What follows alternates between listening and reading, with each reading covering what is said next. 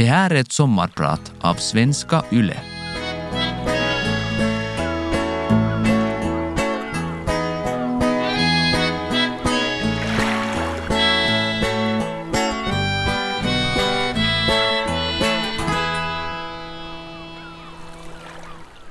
Jag vet hur det känns när dina fötter inte fungerar. Jag har suttit i rullstol. När jag var tio år var jag paralyserad i flera månader. Jag missade en hel termin i skolan. En mygga hade bitit mig. En mygga. Och därför blev jag sjuk. I varje fall påstod min läkare så.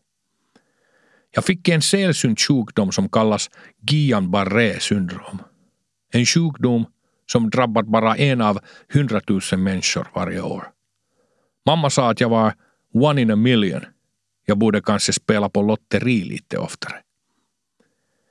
Du ska aldrig underskatta en mygga. Precis som människor. En obetydlig liten människa kan ändra allt. Kan starta en revolution. Titta på Greta Thunberg. En liten mygga som tvingar en jätte ner på sina knän. Rosa Parks var en likadan mygga. Och Malala Yousafzai, Sophie Scholl och många andra. Länge leve små myggor. Förutom den jävla myggan som bet mig. Den minsta saken kan orsaka den största effekten. Bara för att den är liten betyder inte att den är ofarlig. Jag heter Karri Miettinen. Du kanske känner mig som Paleface. Jag har glädjen att vara din sommarpratare idag. En mygga bet mig också en annan gång. Flera år senare. Då var jag i Västafrika. Jag visste att jag var tvungen att vara försiktig med myggorna och tropiska sjukdomar. Insektsmedel var verkligen viktigt. Jag använde den som deodorant. Den första saken varje morgon var att spraya sig med insektsmedel på alla sidor. Och på kvällen efter duschen måste man spraya sig igen innan man lade sig. Jag gjorde det noggrant varje dag. Men en gång blev ett litet område nära min vänstra armhåla under t-skjortans ärm inte täckt med myggspray. Jag kommer ihåg när jag vaknade på morgonen och hittade tre små myggbett på min arm. Då visste jag genast att jag kan vara i trubbel. Nästa morgon åkte jag till Togo med en vän, Fredrik Pado, en djembetrumbugare från Burkina Faso som jag hade bekantat mig med i Benin. Efter några dagar började ljuset blända mig. Mina ögon var exceptionellt känsliga för ljus. En morgon blev min nacke helt styv och jag fick en väldigt hård huvudvärk. Ögonen värkte och min nacke gick i lås. Och sen började febern stiga. Till slut var jag så sjuk att Fredrik bestämde att det är dags att söka hjälp. Vi var mitt i djungeln. Det enda sjukhuset var en kvinnoklinik, en gynekologisk mottagning. Doktorn tog emot mig och gjorde en diagnos. Vous avez la dengue, sa han. Du har dängefebern. Han tog mig raka vägen till avdelningen och sprutade i mig någonting som gjorde mig medvetslös. Vad som hände sen kommer jag aldrig att glömma. Jag vet inte hur många timmar jag hade sovit, men när jag vaknade var hela sjukhuset tomt. Det fanns ingen någonstans. Sjukhuset var verkligen primitivt. Inga dörrar och inga fönster. Jag låg på sängen med en droppkanyl i armen. Regnperioden hade börjat medan jag sov och det rann vatten överallt. Allting kändes overkligt. Jag visste inte om jag levde eller var död. Det fanns ingen jag kunde fråga. Är det här sant eller är det här en dröm? Senare läste jag att rockstjärnan Mick Mars från Mötley Crüe hade haft en liknande erfarenhet. Det var när Hanoi Rocks trummisen Razzle dog i en bilolycka år 1984. Dessa två band hade festat i Vince Neils villa i Los Angeles. Festen hade pågått i fyra dagar när spriten tog slut. Vince Neil hade nyligen köpt en helt ny sportbil och bestämde sig för att fa och köpa mera alkohol. Han var full som en kastrull. Razzo ville fara med honom. På vägen till spritbutiken hände en bilolycka och Razzo dog omedelbart. Samma kväll hade Mick Mars druckit för mycket och slocknat på stranden utanför huset. Han sov medan de dåliga nyheterna nådde fram till de andra. När han vaknade och gick tillbaka till huset såg han genom fönstret att alla grät. I ett allvarligt förvillat tillstånd trodde han att han själv var död.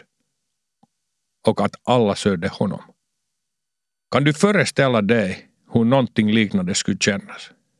Jag vet, kanske. Jag hade en lika orealistisk känsla i Västafrika. Lyckligtvis överlevde jag och lärde mig att vara noggrannare med myggspray. Särskilt för att jag skulle bli pappa. Min blivande fru väntade barn. Vår egen lilla mygga var på väg. Snart är hon tonåring och jag förbereder mig för nya slags bett. Jag är Karri Miettinen och jag är din sommarpratare idag. Det finns olika slags bett. I hiphopkulturen säger man att du inte ska bajta. Real MCs don't bite. Äkta rappare biter eller bajtar inte. Att bajta menar att imitera. Det betyder att varje rappare ska hitta på sina egna rim och inte härma andra. Man måste vara fyndig och egenartad. Rap föddes i The Bronx i New York City på 1970-talet, men dess rötter går mycket djupare. All afroamerikansk musik är baserad på gospel och blues. Musiken från bomullsfälten. Den musiken hade fraktats över Atlanten med slavskeppen. Rap är musiken från dessa slavars efterkommande. Också finsk rap, suomi-rap. Finsk rap är i grunden afrikansk kultur, även om det är glömt när vi tittar på någon finsk rappares konsert. Många tyckte att rap var ett övergående fenomen i Amerika under 1980-talet. I Finland trodde man samma sak efter rapmusikens genombrott i början av 2000-talet. Istället hände motsatsen. Precis när de trodde att rap inte längre kunde växa blev det mycket större än någon vågat tro. Underground steg åter igen till mainstream. En marginalkultur har blivit ett dominerande marknadsfenomen. De fem mest lyssnade låtarna i finska streamingtjänsterna förra året var alla finska hiphoplåtar.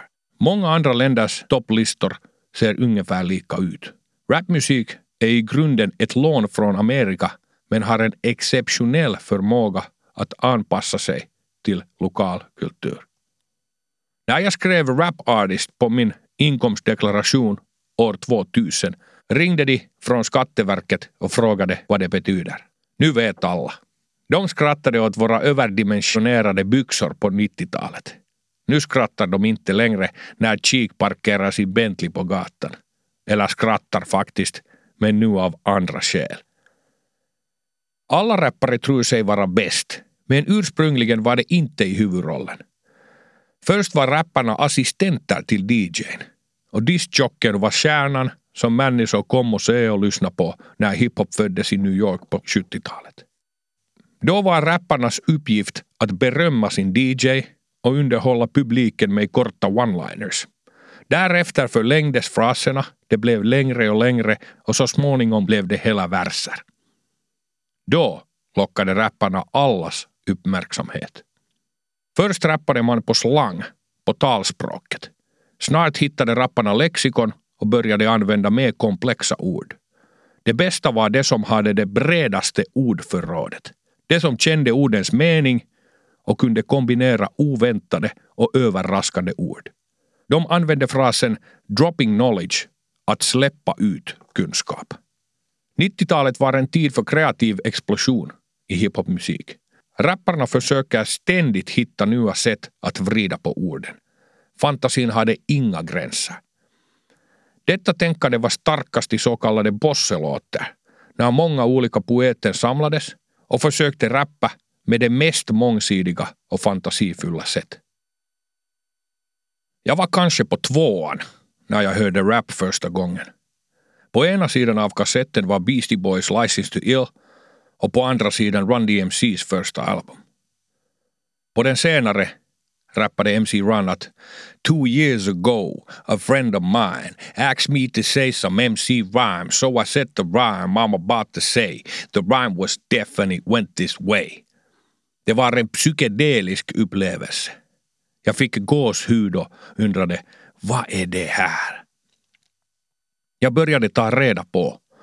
Jag tog min cykel och cyklade till biblioteket. Det var tiden före internet. Lite senare slutade jorden att snurra när jag hörde Chuck D's röst.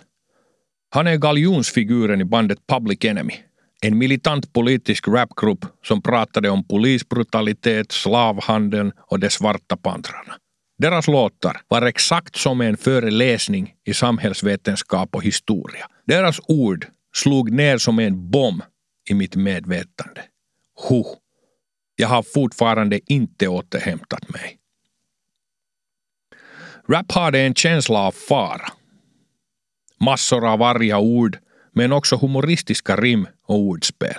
Den förmedlade viktig information och utmanade att utveckla sina egna färdigheter. Man fick till och med vara lite stolt över sina färdigheter. Det kanske inte passar så bra i vår finska kultur att vara stolt. Finnar ska vara blygsamma och man ska inte berömma sina egna prestationer. Dessutom talar män inte om sina egna problem här. Jag tror att rap har lärt många unga finska män att prata om sina känslor. Och nu har rap också blivit en del av vår kultur. För inte så länge sedan var man mycket tveksam ifall rap alls passade in i den finska livsstilen. Samma tänkte man om finsk reggae i tiderna. En journalist jämförde finsk reggae med eskimoernas sambakarneval. Så avigt kändes det. De bästa sakerna skapas när kulturer kolliderar och blandas. Olika intryck cirkulerar och slår rot i olika delar av världen. Till exempel afrikansk rumba kom till när kubansk musik spelades på radion i Kinshasa, Kongo under 1930 och 40-talen. Lokala musiker plockade upp rytmerna och började spela denna musik och kallade den rumba även om det i verkligheten var kubansk son. Det uppfann i misstag en ny musikgenre, sukus. När vi lyssnar på Unto Mononens sång Satuma glömmer vi ofta att finsk tango kommer från Argentina. Tangon var de fattiga invandrarnas musik i Buenos Aires i mitten av 1800-talet. Den överdrivna dansstilen och de dramatiska rörelserna gjordes för att håna överklassen.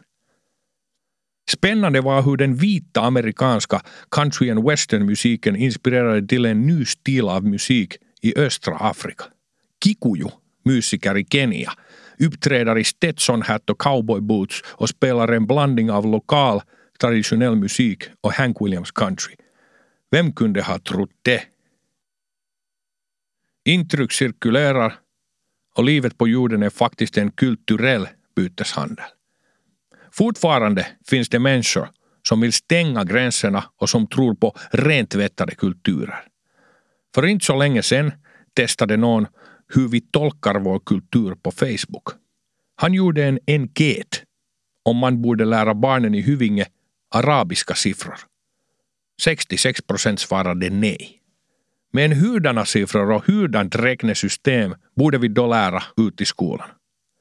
Många som svarade nej körde en japansk bil, drack en kopp colombianskt kaffe, klädd i en skjorta som är sydd i Bangladesh, på väg att rösta i ett demokratiskt val som uppfanns i Grekland. Det här är Paleface, jag är din sommarpratare idag. Många kanske undrar varför jag, som har finska som modersmål, pratar svenska i radion. De flesta vet inte att jag är pappa i en finlandssvensk familj. Min fru är svenskspråkig och våra döttrar är tvåspråkiga. Först var det svårt att träna svenska eftersom min äldre dotter förbjöd mig. När hon var liten kommenderade hon mig att inte prata svenska. Hon var van att bara mamma pratade svenska och pappa skulle prata bara finska. Om jag ändå öppnade min mun och sade någonting på svenska kunde hon täcka sina öron och ropa Isi lopeta! Mun muistiletkut menee solmuun! Pappa stoppa genast! Mina minnesladdar går i knut! Det är helt otroligt hur snabbt ett tvåspråkigt barn lär sig skilja mellan språken. När de är riktigt små kan de två språken bli lite blandade. Men när de blir lite äldre lär de sig. En gång hämtade jag min dotter från dagis. Hon berättade lyckligt om dagens händelser. Kiipesin puuhun ja kun mä hyppäsin alas, maassa oli kuollut humalainen. Jag klättrade upp i trädet och när jag hoppade ner var det ett dött fyllo på marken. Ett dött fyllo! Först blev jag chockad, tills jag förstod att mitt kära barn hade blandat ihop orden hymla och kimalainen. Så blev det humalainen. Barnen är verkligen begåvade i att använda språk på ett kreativt sätt. Ibland skapas det också helt nya ord. En gång konstaterade hon Isi on niin lyrvillinen. Pappa är så lurvig. Men kanske den roligaste historien är när barnen lärde sig om Jesus på dagis. Det var jultider. Vår dotter kom hem och började berätta. Oli kolme miestä, jotka seurasivat sitä tähteä sinne Beatles-kotiin. Det var en gång tre gubbar som följde en stjärna till Betlehem. Jag var så stolt. Min dotter kände till The Beatles och kombinerade saker kreativt i sitt sinne. Detsamma händer ibland vuxna också. Min fru ville en gång köpa taimenia, foreller, från en blomsterbutik för att plantera dem på balkongen. Jag tyckte att det skulle vara lite konstigt att plantera fisk i krukor. Naturligtvis menade hon taimia, fröplantor. Tvåspråkighet är en verklig rikedom. Jag gav nyligen den första gemensamma intervjun med min mamma. Det var spännande att lyssna på de berättelser hon återgav om min barndom. Jag var helt klart ett mycket speciellt barn. Förutom att mina ögon skälar hade jag läppspalt och blev mobbad för det. Men jag var ovanlig också på andra sätt. Jag lärde mig tala före jag fyllde två och läsa i femårsåldern eftersom min storebror gick i skolan. Jag kunde förstå och komma ihåg komplexa saker som liten pojke. Men jag hatade att memorera saker. Som till exempel multiplikationstabellen. Förresten tyckte jag inte om matte. Därför att två gånger två alltid blev fyra. Jag tyckte att det var tråkigt. Det fanns inget utrymme för fantasin där. Jag blev snabbt intresserad av nya saker, men jag tröttnade också ganska snabbt. Ibland hade jag svårt att koncentrera mig i skolan, men lyckligtvis fick jag göra presentationer på intressanta ämnen. Jag visste mycket om alla sortens konstiga saker.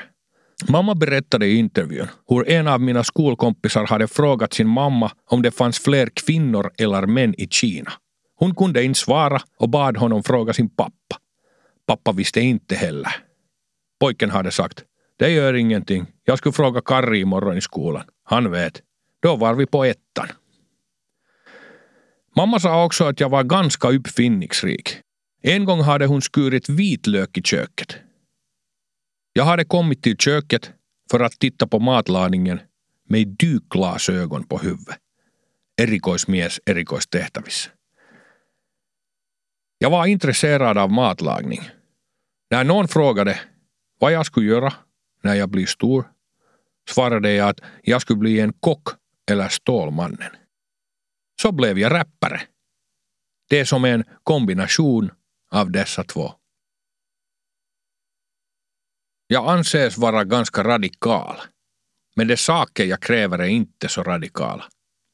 Det är bara grundläggande saker, saker som min mormor lärde mig. FNs deklaration om de mänskliga rättigheterna skrevs 1948 men innehållet kräver fortfarande påminnelse. Det är lite svårt att förstå hurdant tänkande det finns i samhället idag. Precis som om andra världskriget aldrig skulle ha hänt. Överallt i Europa höjer den extrema högern sitt fula huvud. Människors uppfattning om yttrandefrihet är vriden. Yttrandefrihet betyder inte att man kan säga vad som helst, när som helst. Yttrandefriheten missbrukas. Hatretorik hör inte dit. Ibland måste man acceptera lite urpåläppää också, så att yttrandefriheten förverkligas för oss alla. Men var man drar gränsen är inte svårt. Gränsen går där var man förhindrar andra att njuta av samma privilegier som man själv. Om man hindrar andra kan man inte själv dra nytta av dessa privilegier utan att det blir orättvist. Vi deltar i en diskussion kring dessa värden på de sociala medierna, i radion och tidningarna. Men vi orkar inte gå och rösta. Det verkar som om människor som tror på en fri värld och mänskliga rättigheter inte röstar. Däremot kommer nog de som har extrema åsikter ihåg att pricka in sin siffra på valkupongen. Dessutom är många unga inte speciellt intresserade av att rösta. Det är inte endast deras fel. Vårt samhälle har misslyckats med att få de unga att känna sig delaktiga. I förra EU-valet röstade bara 10 procent av de unga i Finland. Det kan jämföras med 67 procent i Sverige. Vi behöver en uppdatering av demokratin. Jag har försökt få människor att delta i valen redan i många år. Jag har skrivit om det i mina sånger. Jag har försökt berätta om de orättvisor som pågår omkring oss. Fast många av mina sånger är kritiska och tar ställning, rappar och sjunger jag om allt möjligt annat också. Min första skiva, som sålde platina, var en barnsång, hiphop i England. Jag trodde att jag hade skrivit en sång där finska barn kunde lära sig engelska ord. Om man lär sig hela sången så kan man 192 ord på engelska. Men jag blev nog förvånad några år senare när det kom fram att flera barn och vuxna som flyttat till Finland hade lärt sig sina första finska ord med hjälp av min sång. Den fungerade tydligen lika bra åt andra hållet. Det är ypperligt att lära sig nya språk med hjälp av sånger. Hemma får jag sjunga Byssan Lull, Cornelis Vreeswijk och några andra sånger på svenska. Men pratandet är sen en annan sak. Det är svårt.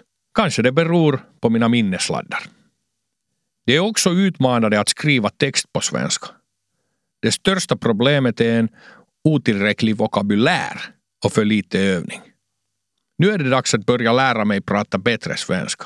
Min dotter kanske inte förbjuder mig längre. Så om du ser mig på gatan eller på keikka, så kom och prata med mig på svenska. Jag lovar att försöka mitt bästa.